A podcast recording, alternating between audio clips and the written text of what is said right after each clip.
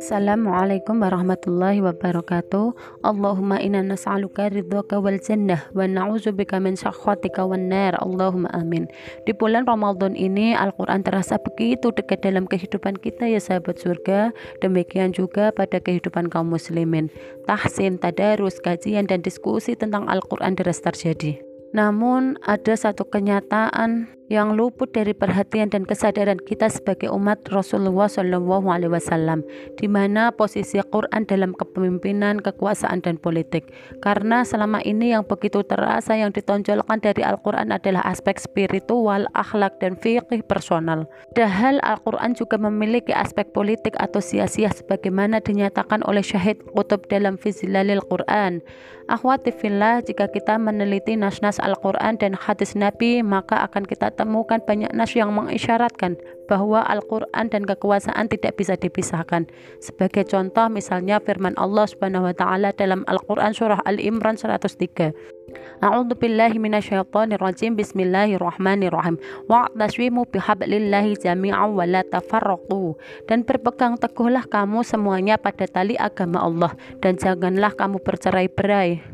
Ayat ini memerintahkan orang-orang yang beriman agar berpegang teguh pada tali Allah, yakni Al-Quran atau Islam, dalam keadaan berjamaah, yaitu bersatu di bawah kepemimpinan seorang imam.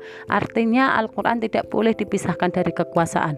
Imam Ibnu Qasir menafsirkan bahwa Allah telah memerintahkan orang-orang yang beriman untuk berjamaah atau bersatu di bawah kepemimpinan seorang imam dan telah melarang mereka dari bercerai-berai. Atau misal dalam surah Al-Isra ayat 80. Bismillahirrahmanirrahim wa qur rabbi adkhilni mudkhala sidqi wa akhrijni mukhraja sidqi wa ja'alni min ladunka sultanan nasira dan katakanlah Muhammad, ya Tuhanku, masukkan aku ke tempat masuk yang benar, dan keluarkan pula aku ke tempat keluar yang benar, dan berikanlah kepadaku dari sisimu kekuasaan yang dapat menolongku. Begitu juga hadis Nabi Shallallahu Alaihi Wasallam riwayat atau berani dalam Mujam Mujam Al-Kabir. Ingatlah sesungguhnya roda Islam senantiasa berputar, maka berputarlah kalian bersama kitab Allah, ke mana saja kitab itu berputar. Ingatlah Al-Quran dan kekuasaan akan terpisah, maka janganlah kalian berpisah dari Al-Kitab. Hadis ini mengisyaratkan bahwa Al-Quran dan kekuasaan hukum asalnya tidak boleh dipisahkan. Jika terjadi pemisahan, maka berpegang teguhlah kepada Al-Quran. Maksudnya supaya Al-Quran dan kekuasaan kembali menyatu. Demikian juga di nas yang lainnya.